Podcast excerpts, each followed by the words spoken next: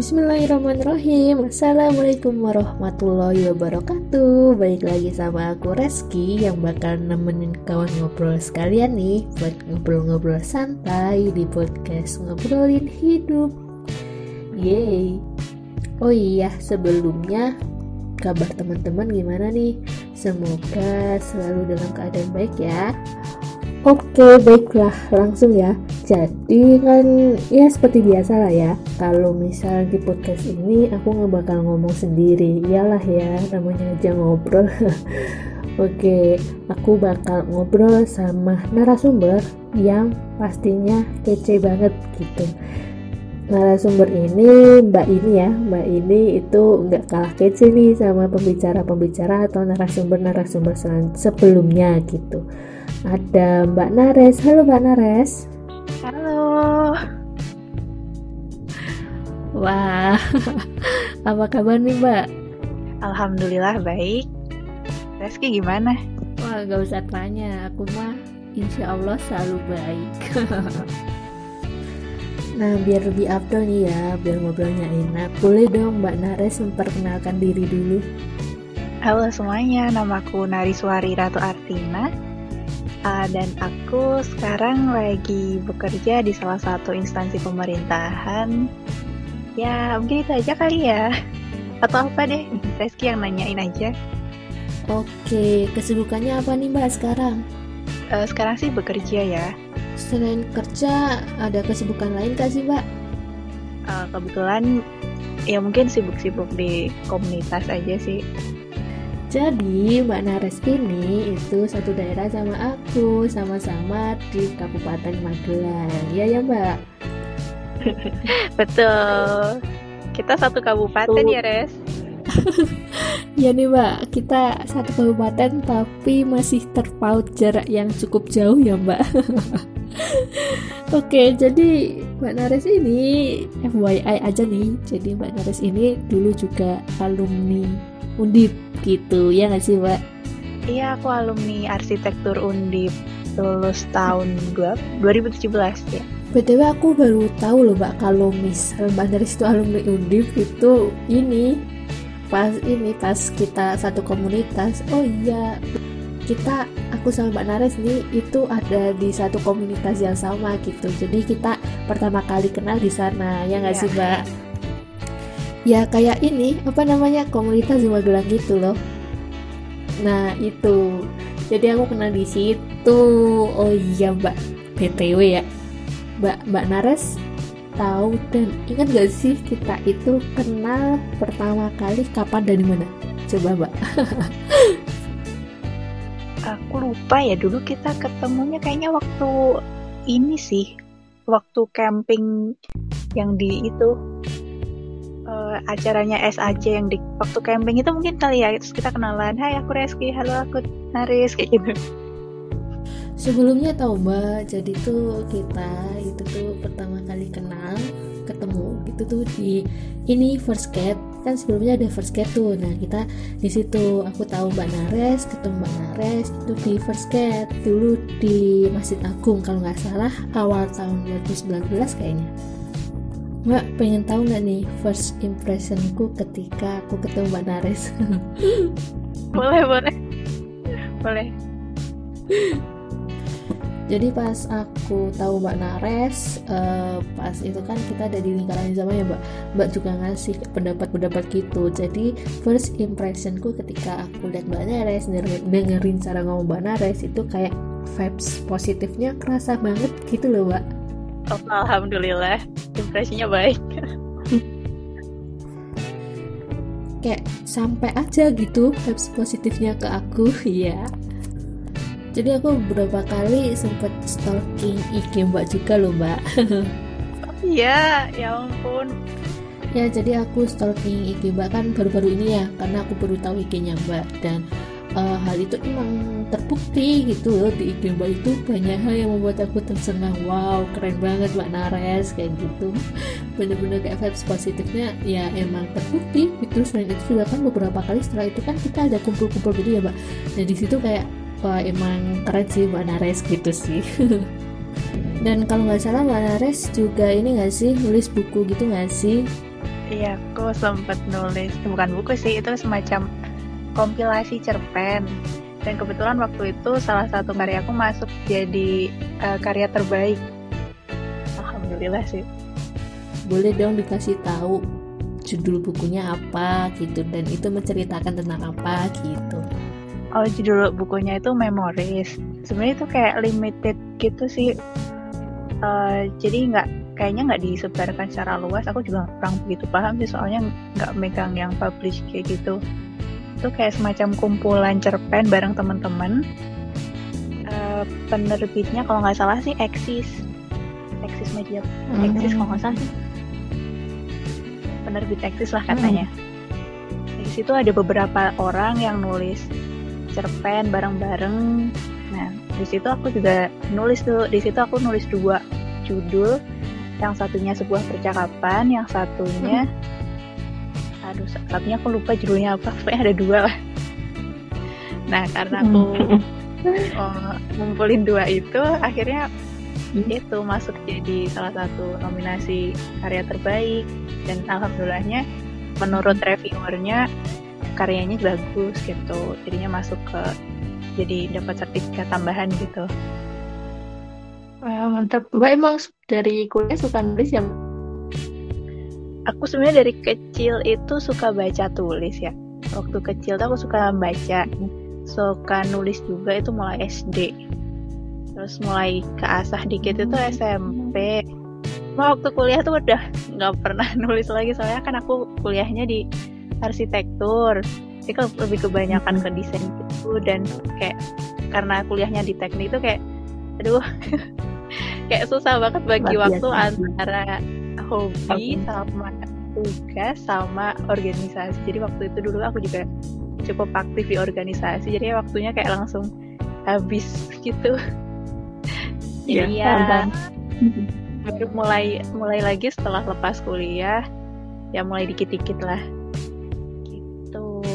Oh gitu, jadi mulai mengasah kembali itu baru-baru ini ya Mbak. Oke, ditunggu karya selanjutnya ya Mbak. ditunggu ya, semoga nggak mager.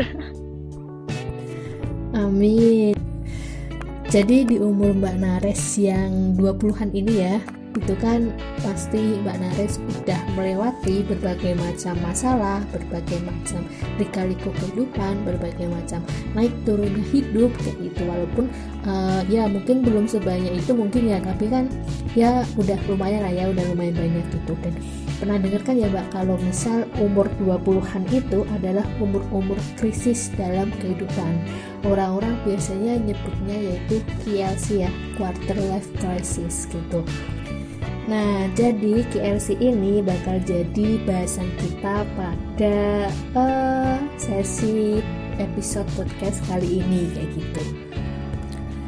Nah, ngomong-ngomong tentang KLC ini, Mbak, menurut Mbak KLC itu apa sih, Mbak? Hmm, sebenarnya ini bahasan yang menarik banget ya. Quarter life crisis ini mungkin bakal dialami oleh banyak orang meski dia itu sadar atau nggak sadar ada beberapa orang yang bahkan sebenarnya mereka tuh nggak sadar kalau sedang atau telah mengalami quarter life crisis. Jadi kalau menurut aku sendiri tuh quarter life crisis adalah sebuah krisis yang dirasakan oleh orang-orang yang mulai kebingungan atau mulai kehilangan jati dirinya. Jadi biasanya hal ini tuh terjadi saat masa-masa transisi, kayak semacam ketika dia mulai beranjak dewasa dia tuh kan mulai mencari-cari tuh apa tujuan hidupnya apa sebenarnya harus akan dan harus dia lakukan. Terus kayak hal-hal tersebut kan kadang bikin dia bingung bikin kita itu semua itu merasa galau terus merasa tidak memiliki arah terus merasa khawatir akan masa depan terus bingung atau malah sebenarnya pilihannya terlalu banyak dan dia jadi bingung untuk menentukan apa yang akan dia lakukan terus ya pokoknya intinya dia merasa galau dan krisis gitu karena dia bingung gitu kebingungan akan arah masa depannya juga gitu. Gitu res Nah, oke okay, itu dia ya berarti definisinya dan juga selain itu umur 20-an itu itu biasanya ada konflik batin gitu antara dia harus meneruskan passion yang ada atau menjalankan realita yang ada di depan mata gitu. Misal dia passionnya pengen aku tuh passionnya di bidang ini, aku tuh mimpinya pengen jadi ini, tapi realitanya itu beda, kondisi di lapangan beda kayak gitu.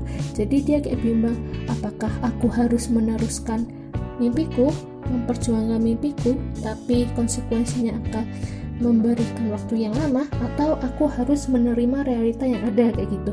Nah, pikiran-pikiran kayak gini itu adalah pikiran yang bisa memicu adanya overthinking ya mbak. Jadi umur-umur segini itu tuh lagi sering-seringnya overthinking gitu gak sih mbak? Bener banget tuh. Nah sebenarnya salah satu overthinkingnya itu karena ya tuh karena kita banyak mikirin banyak hal yang kadang mungkin sebenarnya itu kadang nggak perlu, perlu dipikirin tapi itu penting juga kalau kita pikirin. Jadi uh, overthinking itu juga kadang disebabkan karena kita terlalu melihat uh, orang lain juga sih. Karena uh, kita punya sesuatu nih yang biasa kita lakukan tapi terus ketika kita ngelihat teman-teman kita eh bener nggak sih sebenarnya kita lakukan kok temanku itu bisa lebih hebat ya soal ini atau soal itu. Kenapa dia tiba-tiba udah jadi orang aja ya sedangkan aku kayaknya biasa-biasa aja gitu. Nah pikiran-pikiran itu jadi kayak masuk ke otak kita dan kita mulai memikirkan banyak hal mulai overthinking juga tuh yang kadang habitnya sebenarnya nggak sehat juga buat kita kalau terlalu sering kayak gitu mm. overthinking itu awalnya kita mikirin satu hal kayak gitu. Tapi nanti kayak nyambung nyambung ke mana-mana jadinya kayak ya udah kayak gak bisa tidur aja di kepikiran terus lah kayak gitu. Nah kalau dari komen KL tadi ya mbak udah merasa melewati masa-masa krisis atau KLC itu belum sih mbak? Ini pertanyaan yang sangat menarik nih uh, sebenarnya mungkin aja sih krisis ini kita lewati atau kita hadapin beberapa kali sih itu mungkin. Tapi ada juga yang cuma sekali terus udah selesai. Nah kalau aku sendiri kemungkinan bisa jadi aku juga sekarang sedang mengalami krisis-krisis itu. Walaupun beberapa kali di sebelumnya aku merasa mungkin aku pernah mengalami quarter life crisis jadi jawabannya bisa berbeda-beda tergantung orangnya ya. Ada yang bahkan dia nggak sadar kalau dia tuh telah melewati quarter life crisis. Cuma kalau aku sendiri uh, mungkin aku ada di masa di mana aku pernah mencari-cari gitu loh di early 20 gitu ya. Di awal-awal 20-an ketika ketika kita lulus kuliah itu biasanya langsung wah aku harus apa ya? Habis ini aku mau ngapain ya? Kayak gitu kayak gitu Ya bener banget. Jadi KLC itu seringnya emang terjadi di masa-masa kuliah Ataupun masa-masa setelah lulus kuliah Kayak gitu. Kayak dia udah lulus kuliah nih Kayak keluar dari kandang gitu Melihat dunia nyata. Wow ternyata dunia ini kejam ya gitu. Terus dia kayak kehilangan arah gitu loh. Jadi aku mau ngapain ya? Oh ternyata aku belum punya skill yang cukup nih untuk men, apa ya menghadapi dunia nyata kayak gitu.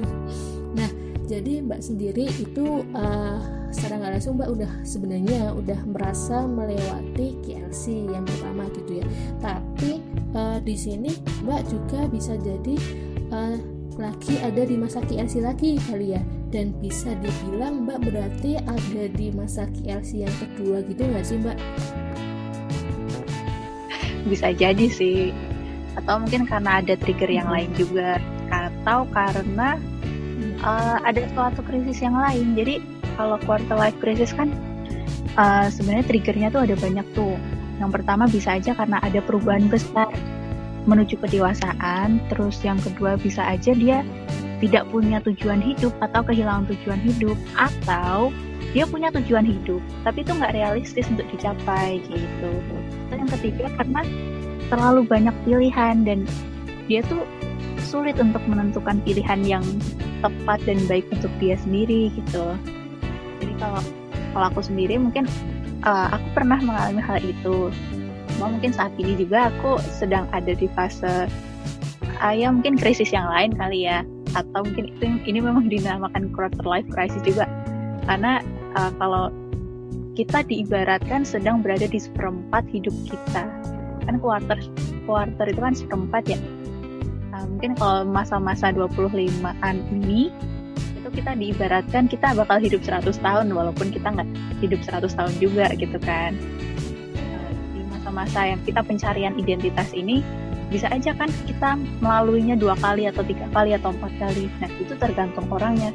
Ketika kita sudah sekali terus mantep ya udah lanjut aja. Tapi kan di depannya kita nggak tahu nih kita mungkin akan melalui krisis-krisis yang lain. Kita akan mungkin akan menganalisa kembali apa sih yang sebenarnya uh, baik untuk kita lakukan gitu.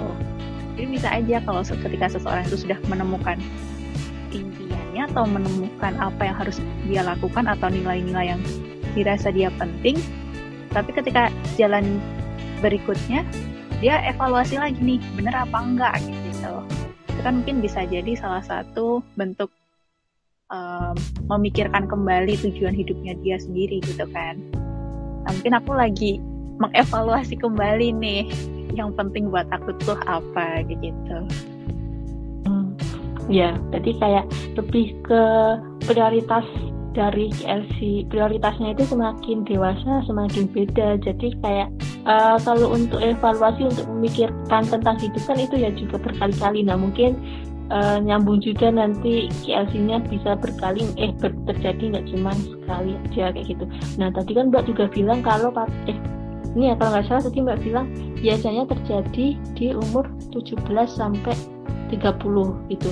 Tapi apakah ini itu kayak patokan umur saklek gitu atau adakah orang yang baru lulus KLC itu di atas umur 30 ataukah ada orang yang uh, bahkan sebelum umur 17 tahun tuh dia udah mengalami KLC kayak gitu sih Mbak?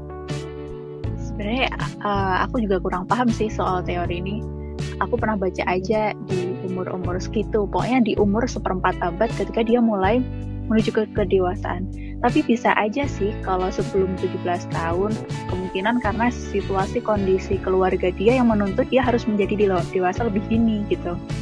Jadi dia kayak mau nggak mau ya udah dia harus jadi dewasa. Jadi dia kayak harus menentukan prioritas hidup dia, dia harus menentukan value-value yang harus dia pegang dan dia harus mulai dewasa sejak dini gitu. Itu mungkin saja dan kondisi ini terjadi pada banyak orang yang mungkin uh, kita nggak tahu nih. Karena kan struggle atau perjuangan hidup orang-orang itu kan beda-beda nih. Terus uh, apa yang harusnya dia lakukan dan apa yang harusnya dia ambil sebagai pilihan hidup kan juga kita nggak nggak tahu nih uh, fase hidup masing-masing orang. Bisa aja uh, kekedewasaan itu sebelum 17 tahun atau waktu dia masih SMP atau SMA atau bisa aja dia waktu kuliah atau bisa aja dia setelah lulus kuliah atau waktu dia kerja. Jadi nggak ada patokan menurut aku sih. Tergantung uh, jalan hidup masing-masing dan tergantung uh, kondisi orang itu pada saat itu. Iya benar. Saya juga kemarin itu sempat aku dengar kemarin tuh sempat dengar ada uh, kayak satu pembicara gitu ya mbak. Kayak di dinar gitu beliau itu di umur 17 itu udah melewati masa-masa JLC bahkan ketika SMP atau SMA gitu udah melewati di situ ya emang bener sih kata mbak tadi kayak keadaan. Mungkin kayak dia lebih ditempa lebih dulu di mana harus mengharuskan dia mendewasakan diri gitu. Di mana di, di ketika dia mendewasakan diri kan pasti dia ada di masa GLC itu dan mungkin masa-masa GLC itu lebih cepat daripada orang kebanyakan gitu. Nah ngomong tentang lulus di lulus GLC kali ya. Orang itu bisa kan lulus GLC itu ketika apa sih mbak sebenarnya? Kalau menurut mbak atau menurut apa yang mbak ketahui deh.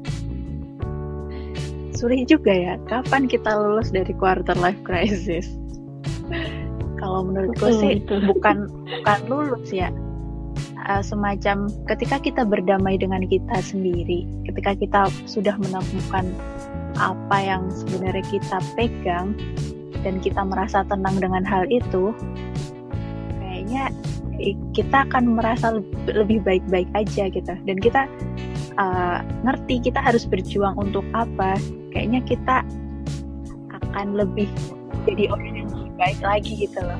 Uh, mungkin aku nggak akan pakai istilah lulus karena emang ini kita sekolah ya.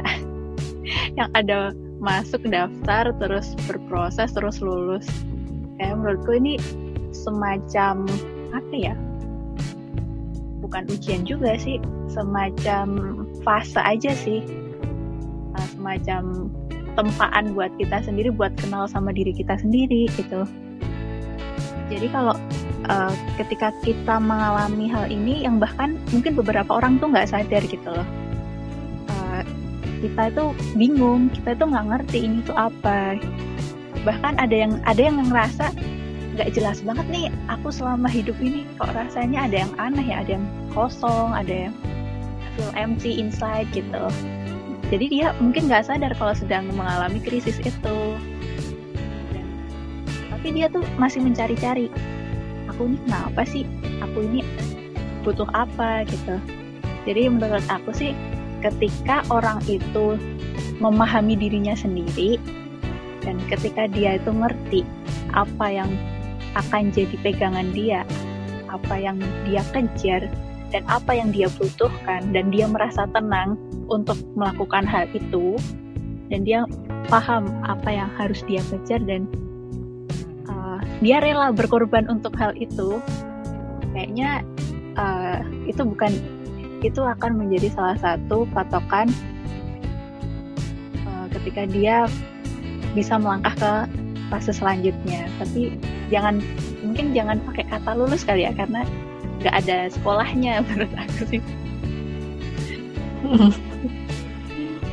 Jadi, mungkin uh, apa ya istilahnya berhasil melewatinya kayak gitu kali ya. Iya mungkin kali ya berhasil melewati satu satu dan dia udah siap untuk melewati ke fase berikutnya gitu sih. Iya jadi ketika dia nemu sesuatu dia ketika udah nemu sesuatu dan dia merasa oke okay nih kayaknya aku harus melakukan ini. Terus dia punya nilai-nilai yang harus dia perjuangkan terus dia punya makna yang ingin dia sampaikan kepada orang lain terus uh, dia ngerti apa yang dia butuhkan terus dia paham akan dirinya sendiri dia kenal sama diri sendiri dan, dan dia merasa tenang dengan hal itu terus dia nggak keusik sama orang lain. Kayaknya itu udah siap deh dia untuk mengejar yang dia impikan kayak gitu.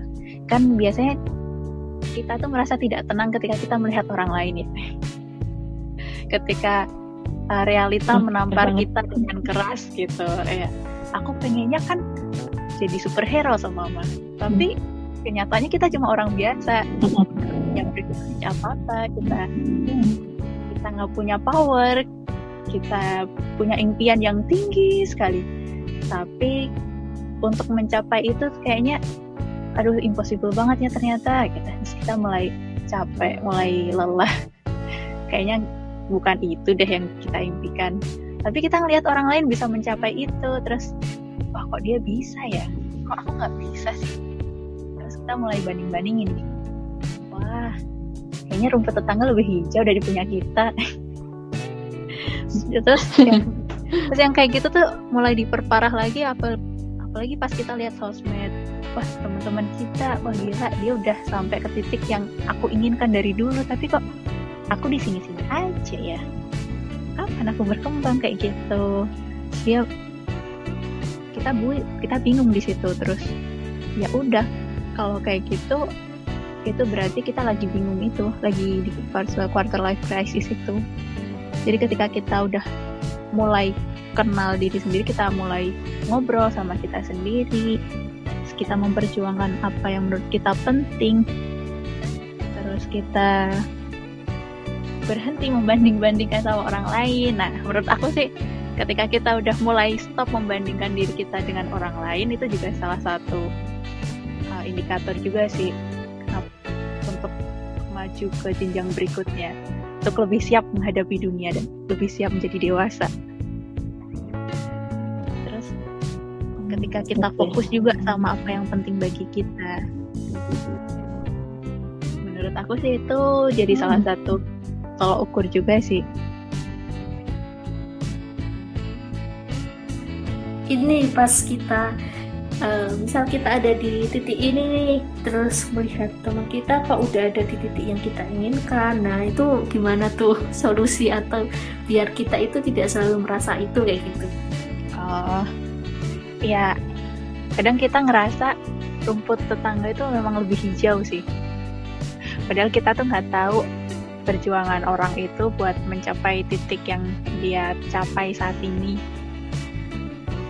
Nah kadang kita tuh kecewa dan kita nggak puas sama hidup kita sendiri kan. Kok rasa teman-teman kita udah lari kenceng banget, sedangkan kita nggak ke mana-mana ya. Kita jalan di tempat aja kayaknya nih. Terus kayak nggak ada kemajuan, terus kayak tertinggal sama teman-teman. Nah, kayaknya kita mulai bingung, mulai ngapain ya. Nah di sisi di titik ini kayaknya kita harus sering-sering ngobrol tuh sama diri kita sendiri terus kita mulai mencari-cari identitas kita terus biar kita nggak iri juga kayaknya kita harus berhenti membanding-bandingkan diri dengan orang lain soalnya apa yang kita tuju, apa yang kita inginkan, apa yang kita butuhkan itu pasti berbeda dengan orang lain. Kayak ibarat aku, saya aku sama Reski pasti beda. Aku aku pernah mengalami fase hidup seperti ini dan aku punya tujuan hidup yang seperti ini itu pasti beda dengan Reski yang punya fase hidupnya Reski dari dulu sampai sekarang dengan tujuan hidup Reski yang saat ini gitu loh. Jadi kayak fase-fase hidup orang itu pasti beda-beda. Dan orang dan ketika kita mulai merasa iri dengan orang lain ya ya salah satu solusinya adalah ya kita berhenti membanding-bandingkan diri kita dengan orang lain gitu. Terus kita harus sering-sering ngobrol sama diri sendiri kita harus mas uh, ya, ya cari tahu lah. Kayaknya aku tuh butuhnya apa sih? Apakah memang A atau apakah memang B apakah memang C gitu? Apakah yang aku kejar sekarang itu yang aku inginkan atau yang aku butuhkan gitu karena nggak semua yang kita inginkan itu kita butuhkan gitu loh. Terus kalau memang masih bingung dengan uh, hal-hal uh, yang tersebut ya kita harus mulai gali ke dalam lagi gitu loh. Kayak kita harus mulai nyari-nyari lagi nih menurut kita apa sih prioritas kita sendiri gitu loh. Terus apa sih yang bermakna buat kita gitu loh. Hal-hal penting apa yang pengen kita cari gitu hal-hal penting apa yang sebenarnya penting buat kita untuk kita capai gitu. Nah, kalau kita udah nemu nilai-nilai yang penting, makna-makna yang penting buat kita, terus apa yang kita butuhkan dan bukan yang kita inginkan, nah kita fokus sama hal itu gitu. Contohnya, umpama Reski merasa kalau uh, finansial itu penting gitu. Jadi Reski mulai kerja gimana caranya biar finansial itu tercapai gitu ya Reski fokus aja ke situ ketika ada temen teman-teman yang pamer gelar S2-nya atau gel, pamer gelas, eh, gelar S3-nya itu nggak bakal ngaruh ke Reski. Kenapa? Karena Reski prioritasnya ke finansial dulu nih. Gimana caranya biar secure secara finansial. Nah, baru tuh kalau secara finansial udah oke, okay, baru nyari yang penting lainnya kayak sama S2, baru S2 habis itu. Jadi kalau kita udah ngerti apa sih yang ingin kita tuju, apa sih yang ingin kita capai, kayaknya kita nggak nggak perlu deh melihat orang-orang gitu, melihat fase-fase orang lain gitu. Terus kita fokus aja sama itu. Nah kalau kita mau banding-bandingin ya jangan bandingin sama orang lain karena pasti fasenya beda karena fase dan jalan hidupnya pasti beda dan yang ingin dituju pun pasti beda gitu loh. Kalau kalaupun pengen membanding-bandingkan ya kita bandingin aja dengan diri kita sendiri yang dulu gitu. Oh dulu aku orangnya nggak pintar nabung kalau masih dalam sisi finansial ya. Oh dulu aku nggak pintar nabung aku terlalu boros gitu. Tapi sekarang aku setelah menyadari aku punya target finansial aku ingin mencapai uh, stabilitas finansial akhirnya akhirnya aku uh, bisa nih sedikit demi sedikit hemat sedikit demi sedikit uh, investasi atau sedikit demi sedikit menabung agar tujuan finansialnya tercapai. Nah kalau sudah seperti itu kan kayaknya kita nggak perlu khawatir dengan godaan-godaan rumput tetangga gitu. Kita nggak perlu khawatir sama teman-teman kita yang progresnya udah jauh gitu. Ya karena kita tahu kita tuh punya tujuan atau goal yang lain yang yang beda dari teman kita itu. Gitu. Oke, itu kan kalau misal kita lihat orang lain sukses gitu ya. Jadi kalau yang aku bisa mungkin aku simpulin kayak ya kita itu start startnya itu beda-beda. Maksudnya kalau misal ada orang lain yang mencapai apa yang sebenarnya kamu inginkan wah aku sebenarnya pengen jadi aneh eh, kok temanku udah jadi as duluan gitu ya. Sebenarnya nggak seharusnya kita untuk iri ya mbak. Karena kan tiap orang kan prosesnya pasti beda-beda. Dan juga uh, titik awal titik awal startnya itu juga beda-beda sebenarnya gitu Nah itu kan kalau misal kita iri dengan orang lain kayak gitu. Nah kalau misal nih kondisinya itu tuh kayak apa yang inginkan itu tertabrak oleh, oleh realita gitu apakah uh, sebaiknya kita apa ya maksudnya misalnya kita pengen jadi ani tapi kok ternyata realitanya kayak gini gitu yang dibutuhkan ya A ini tuh nggak dibutuhkan dibutuhkan saat ini gitu tapi yang saat ini dibutuhkan itu tuh B gitu nah tapi kita itu belum ada sekali ini B ini ini maksudnya misal dalam hal pekerjaannya misalnya.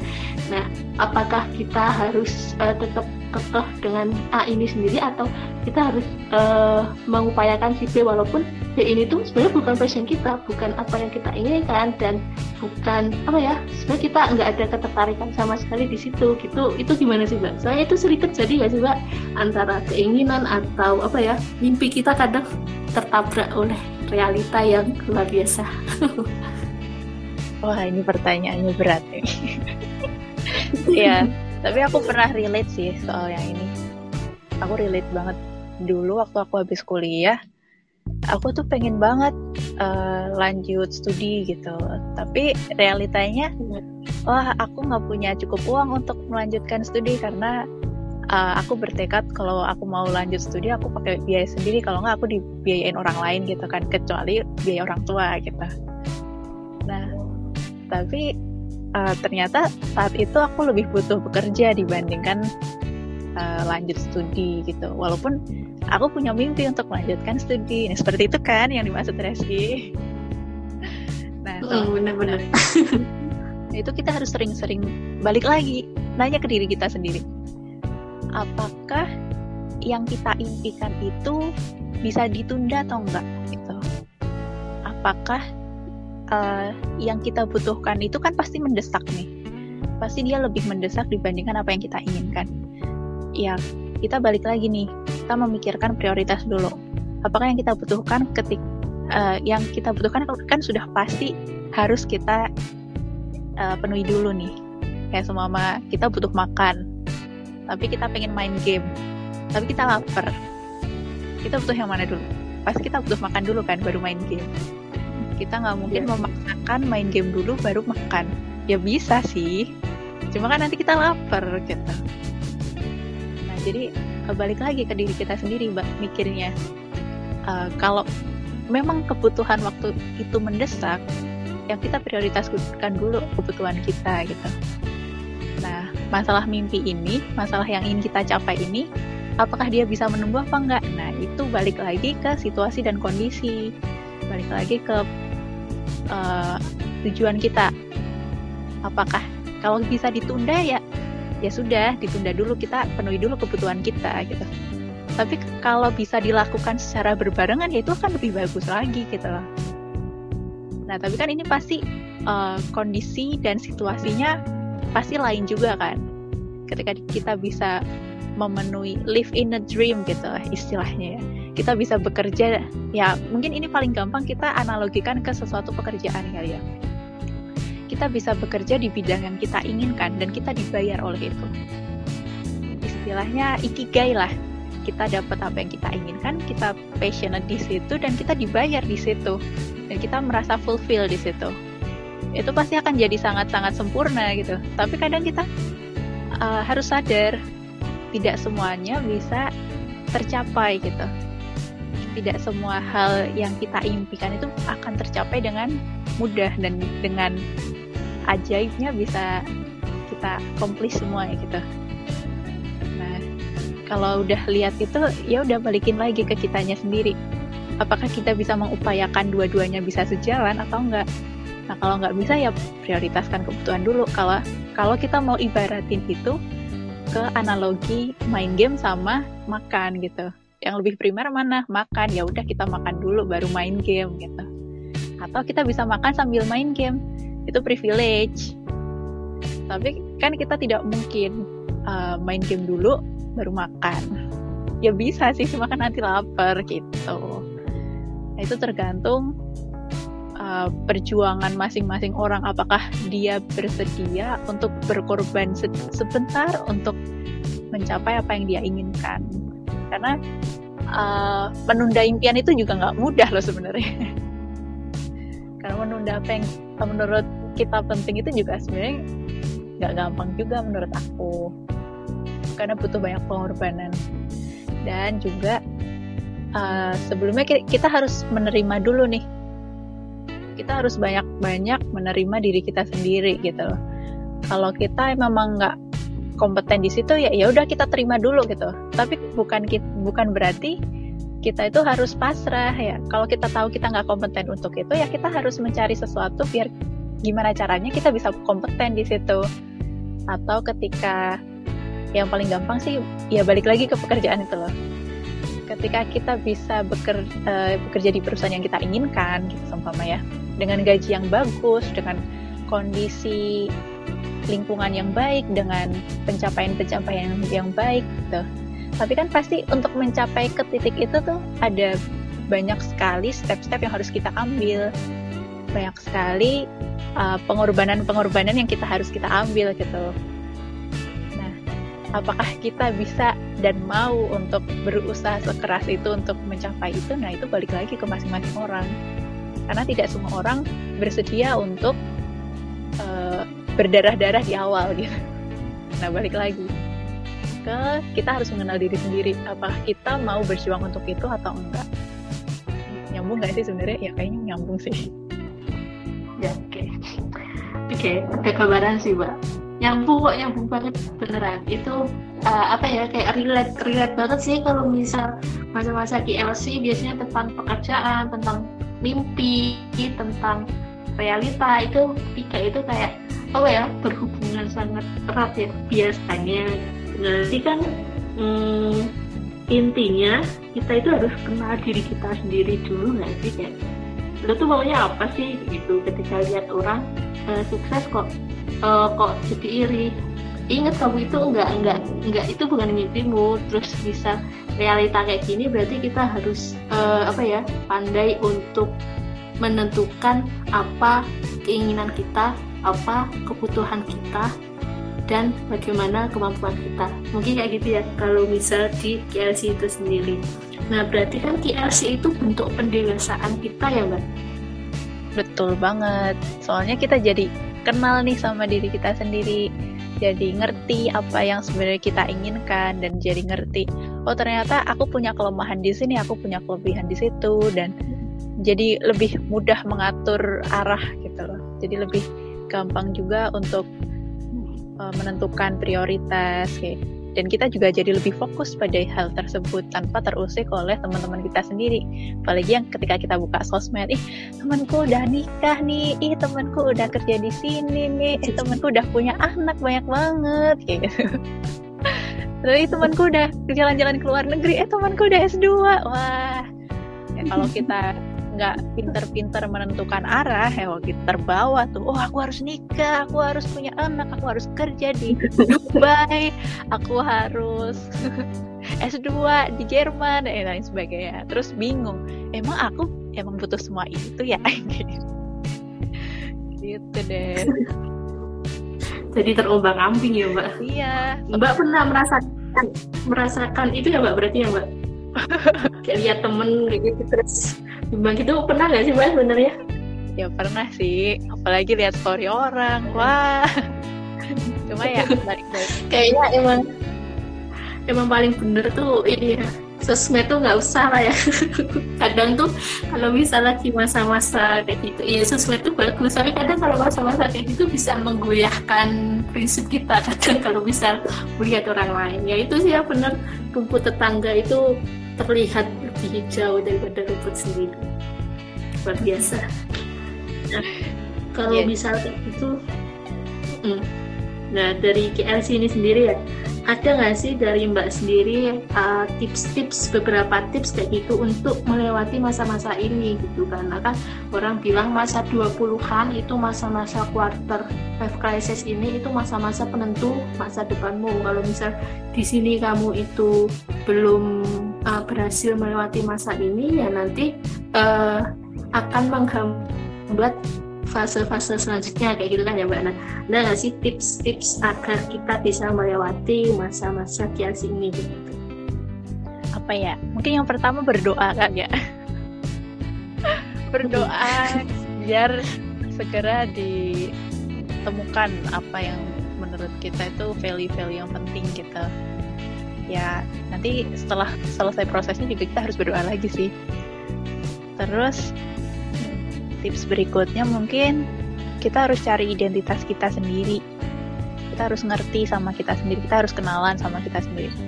Terus kita harus menerima kita semua men- menerima kita sendiri gitu loh. Jadi apa pun kelemahan kita ya kita terima aja gitu. Kita tuh bukan super super manusia super gitu kalau kita punya kelemahan ya udah diterima. Tapi bukan berarti kita pasrah sama kelemahan itu ya. Kita kita tahu nih kita punya kelemahan ini ya. Terus habis itu kita uh, overcome-nya gimana gitu. Cara menanggulangi ke- kelemahan itu gimana gitu. Terus kita juga harus nerima juga positif positif kita. Oh kita harus sadar kalau kita punya kelebihan di sini atau kelebihan di situ. Kayak Reski kali ya. Reski punya kelebihan di bikin podcast kayak gitu. Ya udah uh, apa yang bisa kita lakukan untuk membuat kelebihan ini lebih berkembang lagi kayak gitu. Atau mungkin Reski punya hobi di bagian mendesain. Nah apa yang bisa Reski lakukan untuk mengembangkan hobi Reski ini? Terus kita harus uh, tahu nih lewat kelemahan dan kelebihan kita kita tahu nih apa yang harus kita lakukan berikutnya terus kita juga harus berhenti membanding-bandingkan diri dengan orang lain. Nah itu penting banget sih. Stop comparing yourself with others. Itu. Terus kalau kita sendiri masih bingung cobain banyak hal deh menurut aku. Kalau kita masih nggak ngerti nih kita mau ngapain ya udah cobain aja satu-satu. Siapa tahu ketika kita mencoba kita ngerti nih ternyata kita punya passion di situ. Kayak seumpama uh, aku masih bingung nih mau ngapain ya. Ya udah cobain aja jadi barista jadi pelukis jadi MC jadi karyawan jadi apa pun yang yang ada kesempatan gitu loh. Cobain aja. Terus kadang kan di situ kita ngerasa oh hatiku terketuk di sini nih. Hatiku kayaknya punya panggilan di sini. Aku punya panggilan jiwa untuk jadi sutradara kayak atau aku punya panggilan jiwa untuk jadi penulis aku punya panggilan jiwa untuk jadi orang yang selalu berbagi kayak Reski jadi host podcast dan lain sebagainya. Nah, itu cobain aja kalau masih bingung. Nah kalau udah ketemu ya udah perjuangin apa yang menurut kamu penting itu gitu bisa soal pekerjaan bisa soal nilai-nilai yang menurut kita penting atau makna-makna yang pengen kita sampaikan ke orang lain terus fokus sama itu gitu. Terus kita perjuangkan apa yang menurut kita uh, penting untuk kita perjuangkan gitu. Dan kita harus rela untuk berkorban di situ. Jadi kalau seumpama kita udah ngerti nih uh, seumpama Reski pengen tetap pengen jadi uh, orang yang bikin podcast dan pengen podcastnya tuh terkenal seluruh dunia gitu ya Reski tahu kan konsekuensinya untuk menjadikan podcast ini besar. Uh, berarti Reski kalau pengen podcast ini didengar seluruh orang berarti nggak cuma bahasa Indonesia, dia harus uh, bisa bahasa Inggris juga, harus multi language gitu. Berarti Reski harus bisa bahasa Inggris dan butuh proses buat Reski biar bisa bahasa Inggris gitu. Jadi butuh pengorbanan di situ. Juga butuh channel, butuh link, butuh teman-teman yang mau nge-share podcastnya Reski ke teman-teman yang lain kayak gitu jadi kayak harus ada pengorbanan dan yang kamu harus relakan di situ gitu ketika kamu sudah menemukan apa yang benar-benar pengen kamu lakukan gitu ya harus rela berdarah-darah harus rela berkorban kayak gitu mungkin memang nggak semuanya baik gitu. Ada tapi pasti ada masanya ketika kamu mencapai itu kamu merasa fulfill gitu. Kamu merasa apa ya namanya bahasa Indonesia? Merasa terpenuhi lah istilahnya. Jadi kamu nggak ngerasa kosong lagi kamu nggak bingung lagi ketika uh, ketika hal itu sudah tercapai gitu. Dan juga aku pernah dengar di res ketika tujuan kita itu ada hubungannya sama orang lain uh, impian kita akan menjadi lebih sustain sustain itu dalam arti kata dia akan lebih stabil gitu. Tapi ketika uh, impian itu atau tujuan atau makna yang kamu ambil itu hanya untuk diri sendiri, ya ketika kamu sudah mencapai itu, kamu akan merasa kosong nanti ketika kamu sudah mencapainya dan kamu akan pengen mencari-cari lagi. Tapi ketika orang sesuatu itu berhubungan dengan orang lain, kayak seumpama, wah, uh, yang gampang mungkin kayak ya guru kali ya mau jadi pengajar biar anak-anak sekolah uh, bisa lebih pinter gitu. Ya, mungkin ketika kamu berada di proses belajar mengajar itu, kamu akan merasa fulfill karena uh, ada anak-anak yang ketika kamu berada di proses belajar mengajarnya, dia bisa mengerti dari hal yang dia tidak tahu menjadi tahu gitu. Atau hal-hal yang lain yang mungkin aku pengen jadi ini biar aku bisa bantu orang lain kayak gitu. Itu biasanya uh, bakal lebih long lasting gitu bakal lebih sustain daripada uh, kalau hanya pengen mengebuktikan diri sendiri gitu. Karena aku pernah dengar juga kalau cuma uh, fokusnya ke diri sendiri kayak egonya yang kita besarin biasanya ketika kita sudah mencapai itu kita jadi merasa kosong lagi gitu. Tapi ya entahlah sih. Aku mungkin belum berada di fase yang sekeren itu. Jadi ini baru teori yang aku dengar dari orang lain juga. Itu terus ya mungkin itu aja kali ya. Kita harus sadar juga kalau kita semua punya impian dan punya tujuan punya cara hidup punya jalan hidup yang berbeda-beda. Jadi kita harus menyadari itu.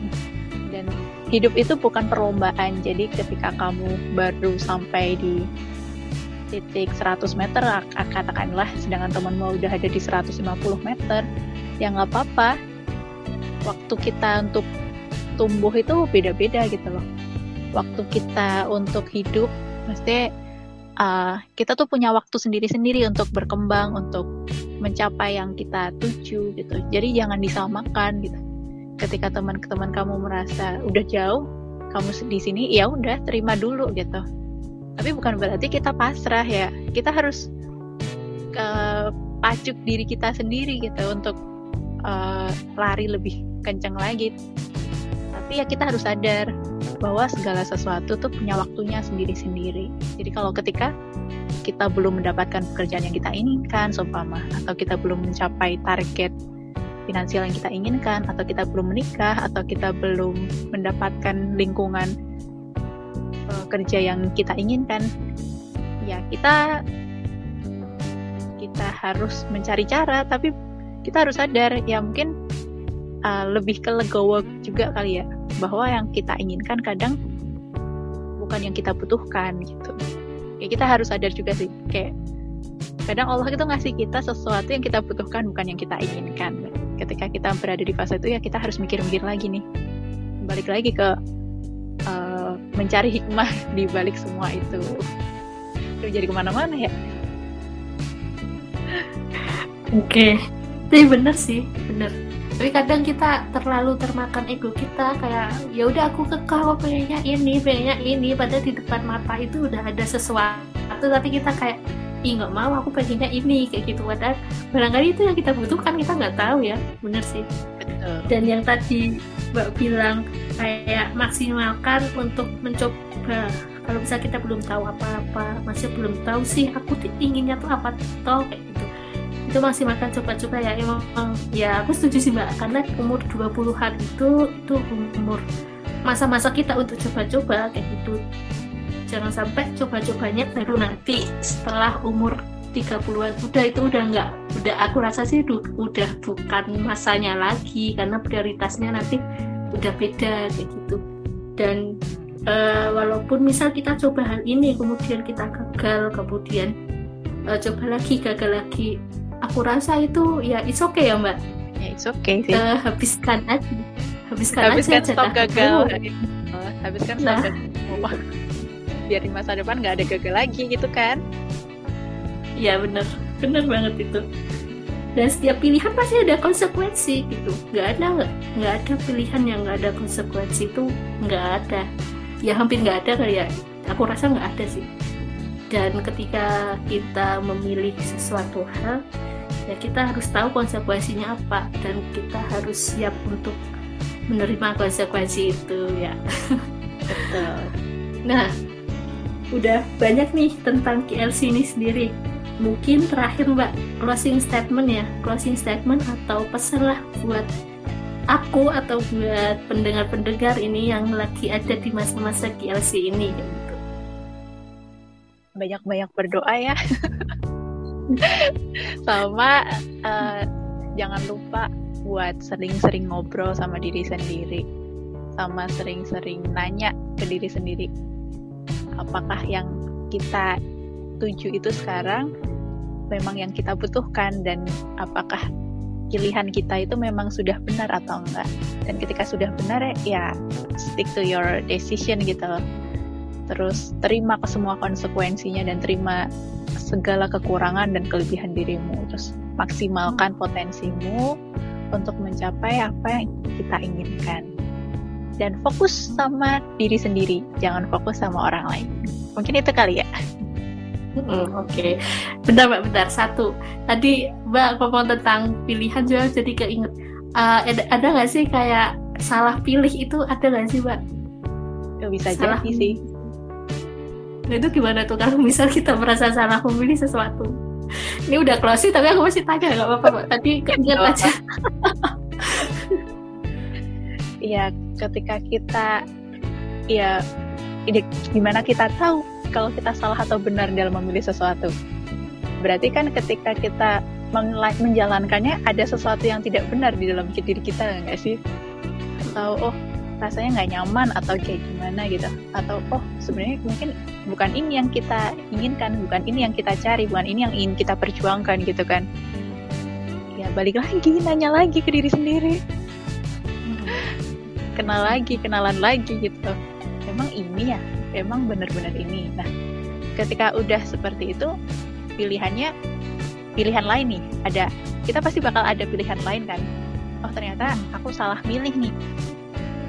Nah, ketika kita udah nemu, oh emang, oh apakah ini nggak rasa tidak nyamannya ini karena aku emang pilihannya salah satu, atau aku menjalaninya dengan salah dua, atau memang karena aku menginginkan yang lain kayak gitu. Atau ada pilihan-pilihan yang lain atau ada pertanyaan-pertanyaan lain yang tentang pilihan itu. Nah kalau memang yang kita inginkan yang kita butuhkan itu bula, bukan yang itu ya uh, persiapkan untuk mencapai yang pengen kita tuju yang sebenarnya yang kita butuhkan gitu loh. Kalau dengan meninggalkan pilihan yang lama gitu. Ya mungkin nggak nggak nggak gampang sih nggak gampang banget.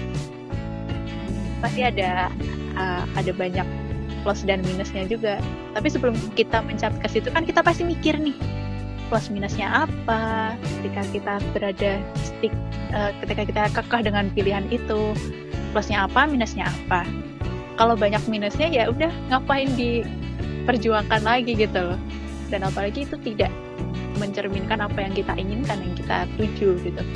Ya udah kita harus mulai mencari alternatif pilihan lain. Tapi ketika kita evaluasi lagi nih ternyata yang salah itu bukan pilihannya tapi cara kita ngejalaninya. Ya udah kita perbaiki. Perbaiki cara kita menjalani pilihan itu contohnya apa ya yang paling gampang? Contohnya ketika kita merasa kita kerja di bidang yang salah gitu sama mama ya. Mama kita punya basic basic apa yang paling gampang ya? Kita punya basic arsitektur lah yang paling gampang aku kali ya. Karena aku basicnya arsitektur. Uh, aku punya basic arsitektur. Tapi aku malah kerja di bidang otomotif terus ketika aku menjalani pilihan otomotif karena waktu itu aku merasa ih bener kayaknya paling bener ada di otomotif deh. Terus aku menjalaninya eh kok ternyata pilihanku salah ya? Ternyata aku tidak nyaman ternyata aku tidak merasa terpuaskan di situ. Ya udah evaluasi lagi apakah memang pilihanku yang salah aku terjun ke otomotif atau kar karena aku menjalani uh, bidang otomotifku dengan cara yang tidak benar kayaknya. Ka kayak aku masuk kerjaan dengan ugal-ugalan aku mengerjakan pekerjaan karena aku otodidak dan tidak ada mentornya kayak gitu sama nah, ternyata kalau memang uh, setelah di flashback ke ke belakang ke perjalanan hidup ternyata memang bukan ini yang kita inginkan ya udah kita cari alternatif lain. Oh mungkin apakah aku akan lebih baik kembali ke arsitektur atau aku akan lebih baik mencari bidang yang lain dan setelah dievaluasi lagi ternyata oh ternyata aku butuhkan dan aku inginkan dan aku merasa fulfill dan enjoy untuk menjalankannya ternyata aku di arsitektur lagi nih. Ya udah balik lagi ke arsitektur. Tapi ketika berada di arsitektur tetap nggak nyaman. Evaluasi lagi apakah tetap bidang arsitektur tapi jadi yang lain gitu?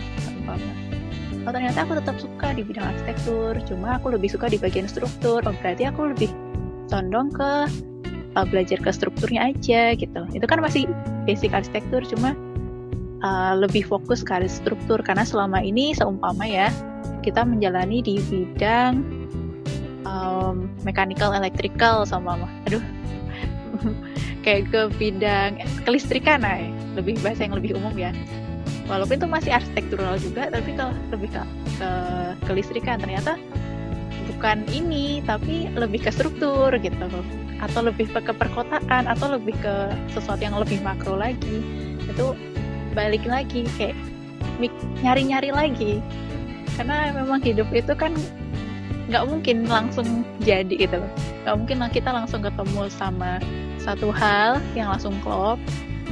Ya mungkin ada sih yang langsung ketemu gitu. Tapi kan tidak semua orang bisa langsung nemu gitu. Ya pasti bakal punya perjalanan yang panjang dan ya kita masih muda gitu loh. Kita punya waktu yang cukup banyak untuk memikirkan banyak hal untuk memastikan apakah memang track yang kita pilih itu memang benar untuk kita sendiri. Dan sebisa mungkin ketika kita mencapai track itu dan bisa ikigai, ikigai itu berarti apa yang kita kerjakan itu sesuai dengan apa keahlian kita dan juga kita bisa dibayar dari situ dan kita merasa fulfill di situ gitu. Gitu. Jadi kayak lebih evaluasi lagi nih sama pilihan-pilihan yang telah kita pilih gitu. Oke. Okay intinya balik lagi tiap pilihan pasti ada konsekuensi salah pilih itu juga termasuk salah satu konsekuensinya ya hmm. yang kita kita lakuin ya mungkin meminimalisir hal itu gitu tapi ya intinya kalau boleh aku simpulin ya dari sekian ini uh, di masa-masa ini kita harus menentukan pilihan. Dan pilihan itu bukan masalah benar atau salah tapi tentang berapa besar uh, apa ya konsekuensi yang harus kamu lakuin. Ketika kamu melakukan sesuatu ternyata kamu rasa salah pilih atau uh, kita merasa kayak gagal kayak gitu ya itu nggak salah itu nggak salah. Itu merupakan salah satu proses kita untuk melewati masa-masa ini? Ya enggak ya betul. Ya soalnya kalau misal kita merasa salah pilih. Terus kadang kita menyalahkan diri sendiri. Balik lagi overthinking lagi. Terus kayak lebih ke menunda nggak sih ya kayak gitu? Harusnya kan kita dewasanya kayak lebih ke ya nggak apa-apa aku salah nggak apa-apa. Kamu nggak apa-apa kok kamu udah hebat kok udah berani untuk memilih ini mungkin kayak gitu ya. Nah itu. Yeah. mungkin kita harus merubah overthinking ke self talk ya gitu. self talk juga self love juga. Ya penting banget itu self love aku baru ingat ini harus dibahas nih sebenarnya self love kita harus cinta sama kita diri sendiri. Bukan narsis sih tapi ya memang penting ketika kita bisa mencintai kita apa adanya kita bisa lebih ikhlas sama diri kita sendiri iya benar sih. Dan self love itu ditemukan ketika kita tahu tentang diri kita ya mbak? Iya betul. Kita, kayak kita cinta sama eh aduh bahasanya. Kayak kita cinta sama orang kan karena kita tahu orang itu. Kalau kita mau cinta ke diri sendiri tapi kita nggak tahu kita itu inginnya apa ya nggak bakal bisa ya cinta ke diri sendiri ya. Iya betul. Jadi kayak lebih ya udah terima aja diri kita apa adanya gitu oke sepertinya udah banyak udah sekitar satu jaman ya. Uh, udah banyak banget tentang KLC ini masa-masa fase eh fase-fase di mana kebanyakan orang aku rasa pasti sih pasti. Kalau misal uh, umurnya ini pasti melewatinya kayak gitu. Salah satu fase kehidupan yang aku rasa ini kunci-kunci dari hidupnya di masa depan. Itu penting banget sih dan mayoritas pasti laki atau umur 20 ini masih lagi merasakan itu. Termasuk aku mungkin ya. Jadi terima kasih. juga mungkin ya. Jadi terima kasih buat Mbak Nares ya yang udah sharing-sharing. Masya Allah banyak banget insight yang aku dapat dan semoga banyak juga insight yang didapat oleh para pendengar kayak gitu. Dan semoga bermanfaat juga ya gitu. boleh disclaimer nggak? apa-apa gimana gimana apa pun yang kita lakukan itu kadang nggak ada benar dan salah. Yang nentuin benar dan salah itu nggak ada gitu. Setiap pilihan tuh nggak ada yang benar dan nggak ada yang salah. Terus jadi apa pun yang kita obrolkan saat ini mungkin nggak ada yang benar dan nggak ada yang salah gitu. Itu tergantung persepsi masing-masing orang jadi uh, disclaimernya apa pun yang saya katakan ini menurut pandangan pribadi gitu. Jadi uh, dan saya bukan expert di bidang psikologi kali ya. Jadi ambil-ambil yang baik aja yang buruk-buruk tinggalkan.